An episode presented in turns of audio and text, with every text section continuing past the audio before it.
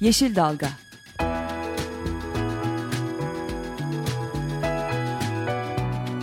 Çevre mücadeleleri üzerine.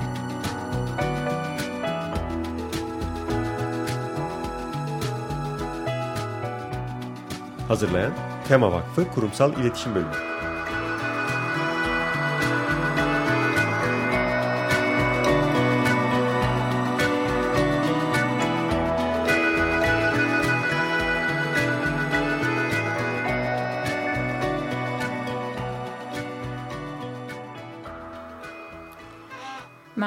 Yeni bir Yeşil Dalga programında daha beraberiz. Programı hazırlayan ve sunan ekipten ben Özgül Erdemli Mutlu. Ben Gökşen Şahin. Bugün stüdyomuzda e, konuğumuz Kimya Metalurji Fakültesi Metalurji ve Malzeme Mühendisliği Bölüm Başkanı Sayın Profesör Doktor İsmail Duman. E, hocamız aynı zamanda üniversitedeki e, rollerinin yanında Tema Vakfı'nın mütevelliler üyesi ve bilim kurulu üyesi olduğu için de e, bunun, kısaca bundan da bahsetmek istedim. E, her hafta olduğu gibi biz e, haftanın iyi olayıyla başlayalım dedik. Burada sözü sana bırakıyorum Gökşen. Haftanın iyi olayı aslında dün gelen Kaz Dağları'ndan gelen haber. Ee, az önce hocamla da konuşuyorduk.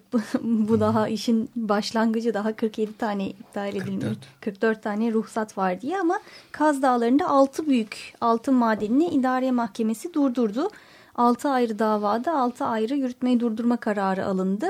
Ee, dolayısıyla bu bizim için iyi bir haber. Ee, çok yani oksijen oranı dünyanın en yüksek ikinci ormanları olan Kaz Dağları'nda e, altın madeni yapılması konusunda böylece e, en azından ormanları kurtarmış olduk. Madenleri şimdilik yürütmeyi durdurması alınarak durdurulmuş oldu gibi görünüyor. Evet e, bu haberin tabii ki diğer konularda takipçisi olmaya devam edeceğiz. Umarız diğer davalar olsun genel olarak e, yap, yerelde yapılan mücadele olsun yıllardır süren haklı mücadele sonuca ulaşır diye diliyoruz. E, bu hafta stüdyomuzda demin anons ettiğim gibi hocamız olduğu için çok detaylı e, iyi haber kötü habere girmeden bir duyuruyla duyurumuzdan bahsedip ondan sonra e, Konya Karapınar Termik Santral uzman raporuna girelim e, istiyoruz. Aslında programı takip edenler, e, genel olarak Açık Radyo'yu dinleyenler de e, bu konuya aşinalar. Biliyorsunuz e, yakın zamanda Kuzey Ormanları Savunması adı altında olsun, diğer e, kentle ilgili mücadeleleri yapan grupların mücadeleleri olsun. Bunların hepsini birleştirip e, genel olarak sadece parça parça hepimizi ilgilendiren konularla ayrı mücadele etmek yerine bütün konuları birleştirelim ve e, bununla ilgili sesimizi duyuralım diye bir e, karar alındı ve bunun için kent mitingi yapılması kararlaştırıldı. Bu ayın içinde e, ayın sonuna doğru 22 Aralık tarihinde Kadıköy'de bütün bu kent mücadeleleri birleşiyor ve İstanbul Kent Mitingi adında e, bir eylem yapılacak. E, konuyla ilgili olarak detaylı bilgi almak isterseniz e, sosyal medya hesaplarını kısaca söyleyeyim. Www.istanbulkentmitingi.org Facebook'tan da facebook.com e, sağ bölü işareti İstanbul Kent Mitingi'ne girerseniz detayları alabilirsiniz. Evet şimdi e, aslında bu raporu biz Konya Karapınar'la ilgili e, termik santral uzman raporunu geçtiğimiz hafta yayınladık Tema Vakfı olarak. E, basında da ciddi yer buldu. Hatta Enerji Bakanı temanın buradaki çevreyle ilgili endişelerini anlıyoruz diye bir e, yanıt verdi. Ama e, radyoda bunu konuşma fırsatı bulamamıştık geçtiğimiz hafta. Dünya Gönüllüler Günü'ydü. Hı hı. E, tam da gönüllerimizle ilgili konuşmuştuk ama bu hafta bu konuyu biraz daha derinlemesine tartışalım istiyoruz. Hocam hazır siz de yani rapora hem editörlüğünü yapan bilim insanı olarak hem de katkı sunan, önemli katkı sunan bilim insanı olarak biraz bu raporun ana çıktılarından başlayarak konuşmaya başlayalım istiyoruz. Şimdi bölgede iki tane plan var. Bir tanesi oradaki linyit madeni. 1.83 ee, milyar tonluk linyit madeninin çıkartılması planlanıyor. Bu raporda ele alınan birinci konu. İkincisi de çıkartılan linyit madeninin kullanılacağı bir termik santral planlanıyor. Bu da ikinci konu. Bu ikinci konuya geçmeden önce linyit madeni kısmıyla başlayalım isterseniz. Evet 1.83 e, milyar ton linyit çok göz alıcı bir miktar. Ama öyle kolay ulaşılabilecek, ortalığı zedelemeden yapılabilecek bir iş değil bu e, hatta normal mühendislik ölçülerini çok çok aşan bir takım tekniklerin kullanılması gerekir ki başarılı da olmayabilir. Ne yapılsa başarılı olmayabilir.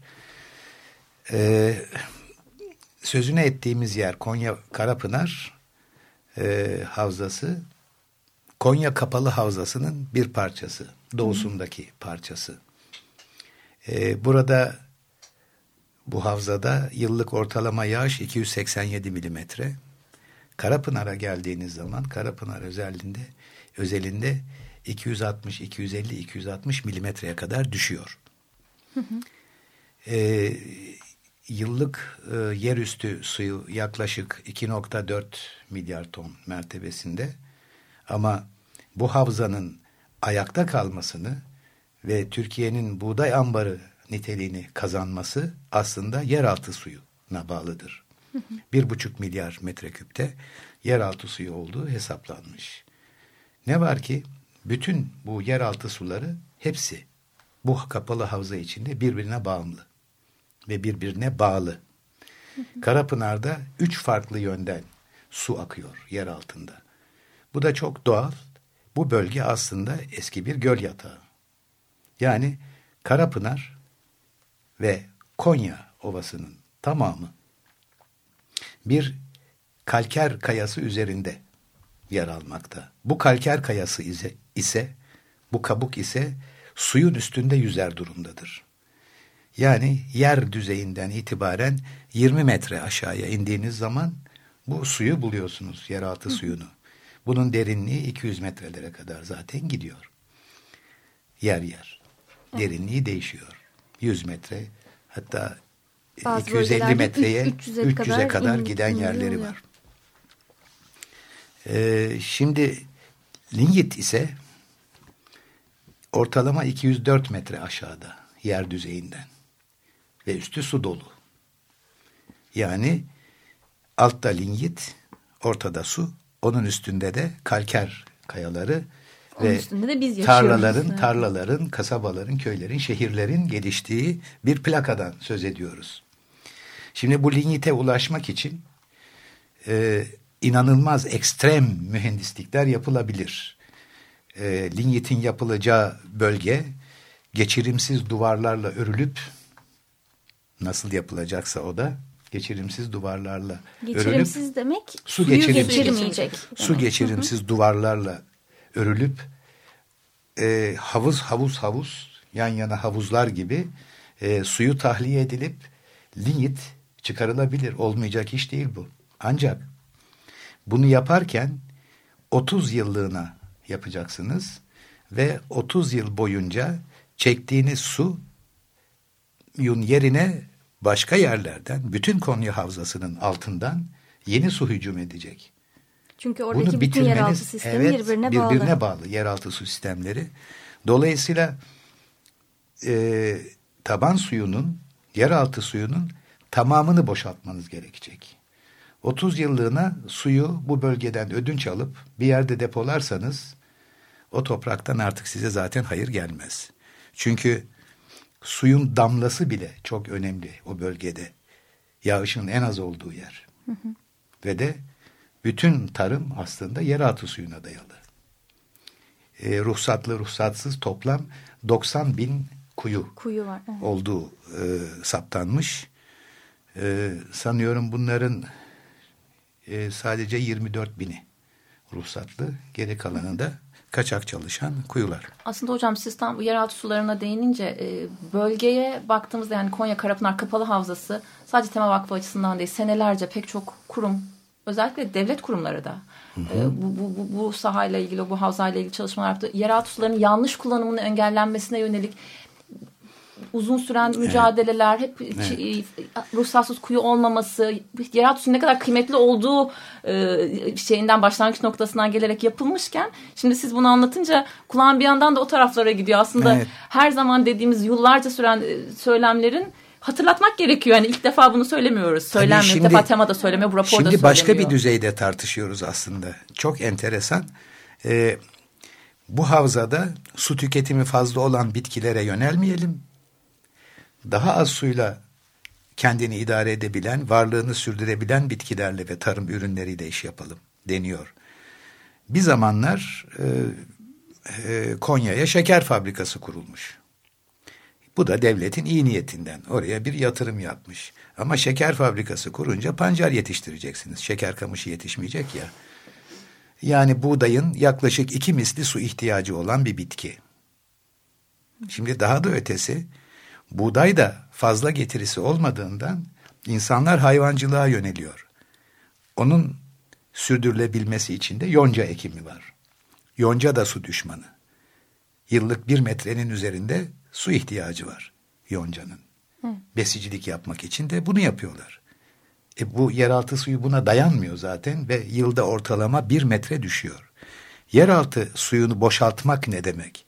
Biz yıllık bir metre azalmanın nasıl facialara yol açtığını gördük. Ne zaman gördük? Körfez depreminden bir, bir buçuk yıl sonraydı.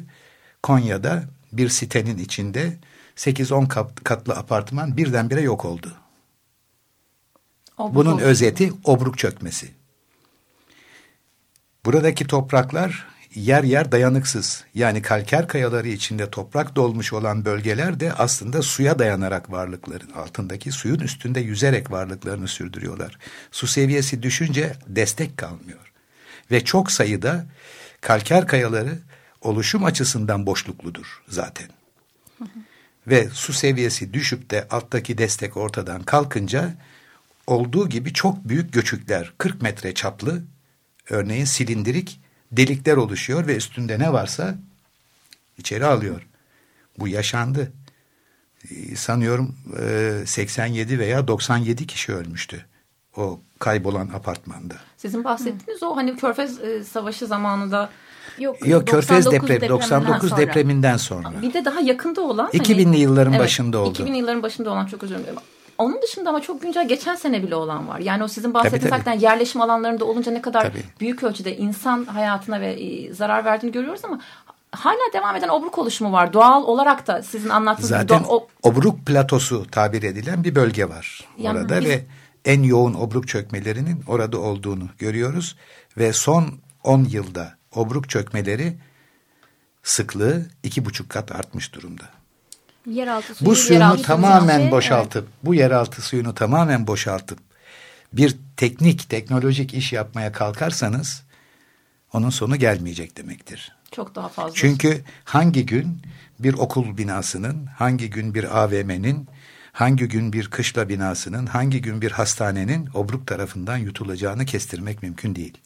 Ee, ben burada bir ara, e, parantez açmak istiyorum. Hani dinleyicilerimiz hakikaten görsel olarak görmek isterlerse de bir internette Google'da Obruk diye girdiğinizde, yeraltı suları diye girdiğinizde ya da bizim raporumuzda da var. Raporun elektronik versiyonu da web sitesinde tema.org.tr'de var. Hakikaten konuşurken insan böyle dehşete düşerek dinliyor ama o fotoğrafları da gördüğünüz zaman biraz daha e, oturtabiliyorsunuz e, potansiyel tehlikenin ne boyutlarda olabileceğini ve hakikaten alarma geçmemek imkansız. Evet bu bölge e, bu bölgenin tarımı ve meraları, tarımın yanı sıra meraları da Türkiye açısından, gıda güvenliği açısından hayati önem taşıyor. Orasını zaten il, yani ilkokuldan itibaren Türkiye'nin evet, buğday ambarı buğday olarak ambarı. öğreniriz. Evet şimdi bu linyit çıkarılacak ve yakılacak. Aslında yakılacak olan sadece linyit değil, Türkiye'nin buğday ambarını ateşe vereceğiz.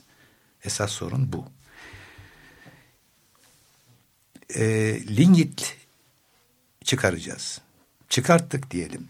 Bir ton linyite ulaşmak için 9,5 metreküpe yakın hafriyat yapmanız lazım. Yani dekapaj denilen üst boşaltma, üst toprağın alınması.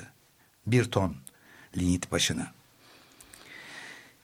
Ee, içinden kömür aldıktan sonra 8.4 metreküp toprak çıkıyor. Bir yerlere nakledilecek ne bu toprak. olacak o toprak hocam? Bir yerlere taşınacak. Konveyörlerle, kamyonlarla bir yerlerde yığılacak o toprak. Ne kadar bir malzeme çıkacak? 1 milyar 832 milyon ton toplam rezervin tamamının çıkarılması için 11,5 milyar metreküp toprak alınması lazım üstünden. Bu da 22 milyar ton tutuyor. Hocam böyle 22 milyar ton, çok evet 22 şey milyar ton. Ee, bu tür hafriyatlarda özellikle de yaz aylarında yapılan çalışmalarda tozlaşarak uçuşan kütle toplam kütlenin yüzde onunu bulabiliyor. Biz çok iyi niyetli binde biri uçarsa toz olarak bu hafriyatın bir sadece binde biri uçarsa ne olur diye bir hesapladık. 30 yılda 22 milyon ton toz ya da yılda 700 bin tozun uçması anlamına gelecektir. Yani bu sadece Konya Karapınar tarafında değil. Bu toz bildiğiniz ev tozu değil. Bu tozun içinde ağır metaller var. Bu tozun içinde kükürt olur. Bu tozun içinde e, organik zehirler olabilir. Her bir şey olabilir. Toprağın Ve, 300 metre altındaki Evet top toprağın 300 metre yani. altından bunu söküp alırsanız ve yukarıya çıkıp bir kısmını da toz haline getirirseniz ister istemez bunun faturası çok ağır. Hangi bitki bundan zarar görecek? Hangi insanın akciğerine ne zaman toz konacak? Bunları önceden kestirmek artık mümkün. Çünkü yapılmış istatistikler var. Yani linyite dayalı santrallardan gelen zarar inanılmaz maddi boyutlarda. Artık parasal olarak ölçülüyor bunlar. Yani linyitten elektrik üretimi değil, linyitin kendinin çıkarılması da başlı başına bir çevre faciası. Sonra e, yaktığınızı düşünün. Bu linyiti yaktığınızı düşünün. Bu 30 yıl boyunca e, 5870 megawatt güç sağlayacak. Çok büyük bir iddia. Çok büyük bir iddia. Türkiye'nin şu an linyit, bu işte taş kömürü gibi kömürlerden ürettiği enerjinin miktarı ne kadar hocam? Bu 5800 ne demek onunla karşılaştırabilmek için? Ee, 12 bin 12.500 megawatt civarında. Neredeyse yarısı kadar evet, bir güç. Yüzde 47'sine Yüzde ulaşıyor. 47'si Yüzde kadar bir enerji 47'sine elde ulaşıyor. ediyor. Onun için çok iştah kabartıcı. E, o yüzden de ihalelere e, çok talip var. E, şimdi küçük küçük üniteler mi yapılır? 30 yıl boyunca bu 5870 megawattı e, üretebilmek için tabii kesiksiz çalışma durumunda bu. Öngörü öyle çok iyimser. E, 5800 megawatt gücü sağlayabilmek için bir tane santral yetmez. Türkiye'deki en yaygın santral büyüklüğü 600 megawatt, 660 megawatt civarında. Afşin Elbistan'a doğru giderseniz 1000 megawatt'a çıkabilirsiniz.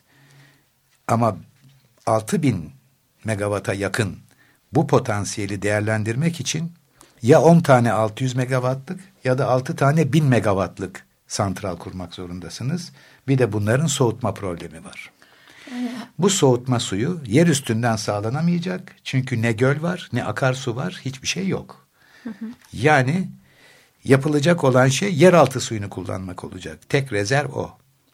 Şimdi birdenbire bir paydaş çıkıyor. Tarım kendini güç bela ayakta tutarken buradan yüz milyonlarca metreküp suyu çekip siz santral çalıştıracaksınız, santral soğutacaksınız.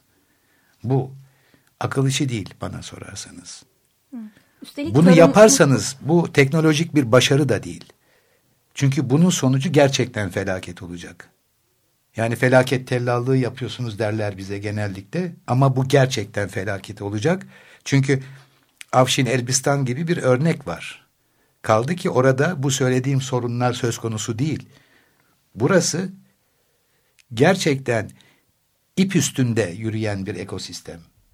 Ve oranın ayakta tutulması için de 60 küsür yıldır emek verilmiş. Devlet tarafından, sivil toplum örgütleri tarafından, tema tarafından büyük emekler harcanmış. Ve başarıya da ulaşılmış. Ve Yani başarıya çok ulaşılmış. Önemli. Hani devletin de içinde olduğu Evet. yerde baktığımızda Karapınar'da Karapınar çölleşmenin tabii, e, yani çöl e, Gobi çölünde ya da ne bileyim e, Fizan çölünde rastlanacak kadar yüksek 40 metre yüksekliğe ulaşan kumullar ya da barkanlar oluşuyor idi ve Karapınar kasabasının tahliye edilmesi düşünülmüştü bir ara. Yani bir bozkır ekosistemi çöl ekosistemine doğru devrilirken onun koluna girip onu ayağa kaldırıp neredeyse bir orman ekosistemi yaratıldı. Ve bu kumullar ağaçlandırıldı ve üstünde gerçekten orman var, kuşlar ötüyor, sincaplar dolaşıyor. Evet yani bu öncesi sonrası resimleri var. Burada Evet. hakikaten ben de yani Çok etkileyici. Gerçekten tabii zaman dünya çapında başarılar, başarılar listesine girdi bu. başarılar Karapınar'daki örnek olay. çalışmalar. Evet. Baktığımız zaman yani öncesi sonrasına bakıyoruz. Hatta rapora katkı sağlayan hocalarımızdan bir tanesi Ziraat, Ziraat Fakültesinden e, doçent doktor Erhan Akçı. Onun da çok güzel e, altın çizdiği konular var. İşte şu kadar bitki örtüsü, bitkide e, bitki çeşidi varken yapılan mücadelelerle tekrar evet. nasıl çeşitliğe ulaştı? Bölge nasıl o kırılgan Organik yapısı. karbon ağırlığı nasıl arttı? Toprakta inanılmaz yani gerçekten de dünya çapında bir başarı ve çok övgü aldı bu çalışmalar. Şimdi bunlara bakınca ve kırılgan yapı değişmedi ama bölgenin. Tabii, yani o kırılgan tabii. yapıya hassasiyetle e yaklaşıp yok. oraya özgü, yağış oraya yok. uygun şekilde e, sürdürülebilir kalkınma modelleri, üretim desenleri gibi şeyler üzerinde çalışılması gerekirken aslında bizim bunları konuşuyor olmamız evet. gerekirken şimdi gidip tekrar bölgeyi o 60'lardaki tehlikelere yani onları Yok, konuşabilir büyüğüne, olmak ve daha büyüğüne, daha büyüğüne 60'lardaki tehlikenin çok... daha büyüğüne maruz bırakmak. Daha doğrusu tehlike değil bu. Bu bir risk değil. Bu bir mutlak kötü sonuç. Böyle bir yani risk dediğiniz zaman olabilir de olmayabilir de anlaşılıyor. Ama bunun çok kötü olacağı baştan belli, kesin. Yani böyle bir maceraya girmemek gerekiyor. Hiçbir devlet bunu göze almamalı ne pahasına olursa olsun. Bu bölgenin kurak olması Türkiye'nin bir başka şansı. Bu bölgenin kurak olması Türkiye'nin bir başka şansı. Çünkü kurağa dayanıklı mera bitkilerinin gen havuzu burası. Hı hı. Evet küresel ısınma nedeniyle. Yakın geleceklerde küresel ısınma nedeniyle. Buğday, arpa, yulaf yapamadığımız durumlarda en azından besicilik ayakta tutulabilir bu mera bitkileri sayesinde. Ve kurağa dayanıklı bu bitkiler sayesinde. Ve pek çok da endemik tür var bölgede. En önemlileri işte sabun otu ve Türkmen geveni. Bunlar literatüre e, çok enteresan latinceleştirilmiş adlarıyla girmiş. Saponaria carapinarensis yani Karapınar sabunotu ve Türkmen geveni Astrogalus turkmenensis. Latince isimleriyle bu iki bitki mera açısından, meraları ayakta tutma açısından son derece önemli. Aslında bunların geliştirilmesi, yaygınlaştırılması ve kuraklığa dayanıklı bu bitkilerin havuzunun genişletilmesi gerekirken tam da bunların ana vatanı imha edilmek durumunda kalacak. Ve bu gıda güvenliğine vurulacak çok ağır bir darbe. Hem buğdayı kaybedeceğiz hem de mera bitkilerini kaybedeceğiz. Kuraklığa dayanıklı. Yani bizim aslında günümüzde gıda sağlığını, toprak sağlığını konuşmamız gerektiği noktadan biz şimdi insan sağlığı, hayvan sağlığı başka şeylere evet, dönüyor olacağız. Evet, Hakikaten evet. geriye gidiş ve daha kötüye gidiş olacak. Yani bu endemik türlerden bahsederken mesela benim en çok bu basın toplantısında da e, vurucu olan nokta şuydu. Hani bir endemik bitki türü hayatınızdan çıktığında ne olur? Ya da bir bitki hayatınızdan çıktığında ne olur diye bakın. Buğdayı düşünün yani en basiti. O bölge buğdayın yani yüz yıllardır, binlerce yıldır var olduğu bir bölge. Buğdayın bir an hayatınızdan çıktığını düşünün. Yani bulgur evet. yok, ekmek yok. ne, ne yiyeceğiz? Yani en temel yiyecek şeyimiz yok. Yani dolayısıyla işte orada... Bu bölgede yapılabilecek hiçbir faaliyetin yeraltı suyuna ortak edilmemesi gerekir. Hiçbir faaliyetin. Çünkü yeraltı suyunun damlası bile hayat. Damlası ve Türkiye'nin buğday ambarını ayakta tutmak istiyorsanız buralara bulaşmayacaksınız. Şey, hocam Bakın, bir de suyla beraber bir başka sorun da benim anladığım kadarıyla bu termik santralle kömürü yaktıktan sonra kül, yığacağımız kül. Şimdi ona küller. gelecektim. Kül inanılmaz yani e, eğer raporlarda öngörüldüğü gibi davranırlarsa 30 yıl boyunca 30 yıl boyunca her yıl 61 milyon ton kömür yakılacak. Buna karşılık 12.2 milyon ton kül çıkacak. Her yıl her yıl eğer 5807 megawattlık e, bir güç santrallar topluluğu kurarsanız oraya 13,5 milyon yıllık 13,5 milyon ton külün depolanması gerekecek. Külün saklanması için bir kül barajı kurulacağı düşünülürse bu miktarın sadece 10 metre kalınlığında yığılması halinde her yıl 174 tane futbol sahası büyüklüğünde alana ihtiyacımız olacak.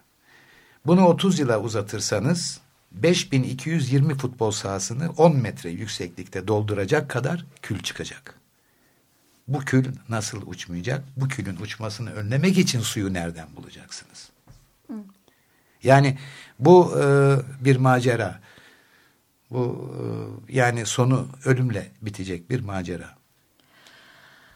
Ee, hocam söyledikçe siz anlattıkça içimiz kararıyor. Böyle bir derin nefes aldım. Ee, bu bir macera çok daha detaylı ve öncesinden bir sürü açıdan tartış, tartışılması. Evet. E, sadece evet. bu raporla ilgili değil bütün paydaşlarla ilgili birlikte evet. tartışılması gereken bir şey. En azından e, bu raporun o, konuyu gündeme getirme açısından faydalı olacağını ümit ediyoruz. Okuyanlar, e, karar alıcılarında bunlara yani bunu okuduktan sonra etkileneceklerini ve henüz daha başlamamış olan e, çalışmaların belki de e, sona ereceğini ve başarılı bir e, mücadele olacağını ummak istiyorum. Bir şey daha var. Ne kadar vaktimiz kaldı bilmiyorum son üç ama dakikamız son var. üç Orada dakika. da, evet. Oraya bir şey sığdırmak istiyorum.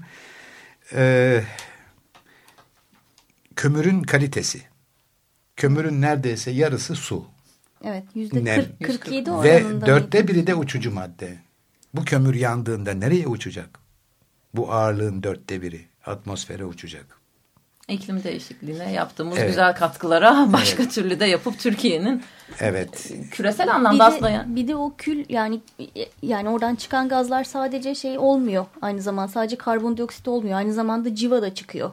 Yani ve küllerin içinde arsenik de oluyor bildiğim kadarıyla. Ve o bölgede baktığınızda işte e, bir mevsimde güneyden bir mevsimde kuzeyden esiyor rüzgarlar. Dolayısıyla geçmiş olsun. Yani hem Torosları hem de Ankara'yı da aslında e, kansere maruz bırakıyorsunuz. Civayı, arseniği bu şekilde yayarak. Ya.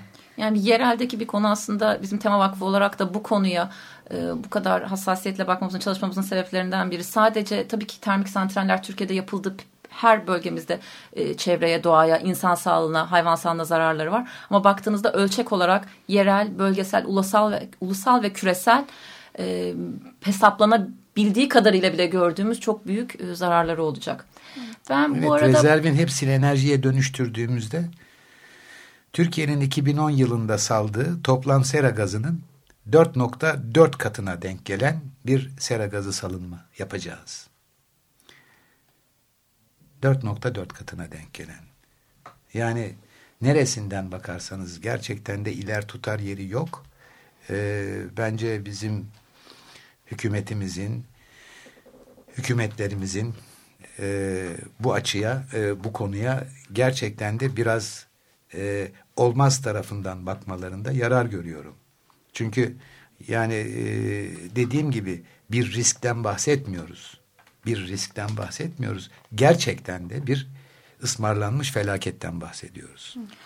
Çok teşekkür ediyoruz hocam. Ee, bugünkü programında maalesef daha konuşulacak çok şey var. Çok şey Raporun var, evet. e, konunun çok boyutlu e, açıdan incelenmesine Evet. katkı sağlayan hocalarımızdan kısaca bahsetmek de istiyorum. E, program konuğumuz Kimya Metalurji İstanbul Teknik Üniversitesi Kimya Metalurji Fakültesi Metalurji ve Malzeme Mühendisliği Bölüm Başkanı Profesör Doktor İsmail Duman'dı. Kendisi raporu basıma hazırladığı için ve İstanbul'da olduğu için de konuk ettik. Eline boyuna tartışmaya çalıştık. Ama bu raporun arkasında e, bu işi gönüllü olarak katkı sağlayan bilim insanları, uzmanlar var.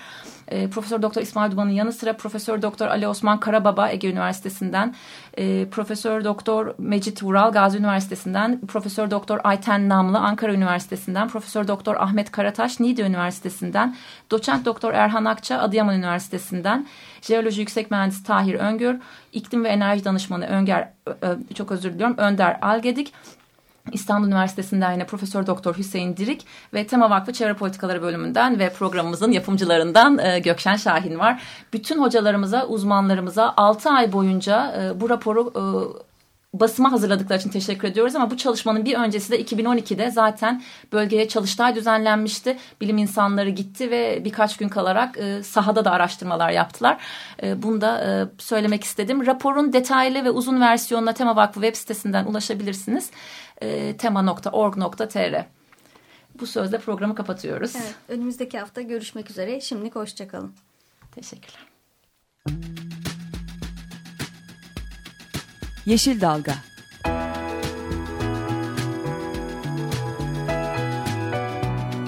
Çevre mücadeleleri üzerine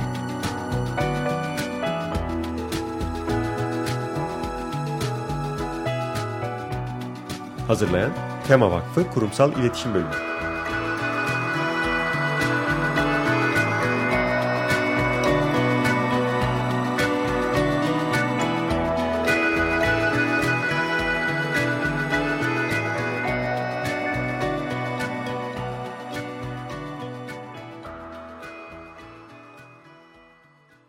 Açık Radyo program destekçisi olun. Bir veya daha fazla programa destek olmak için 212 alan koduyla 343 41 41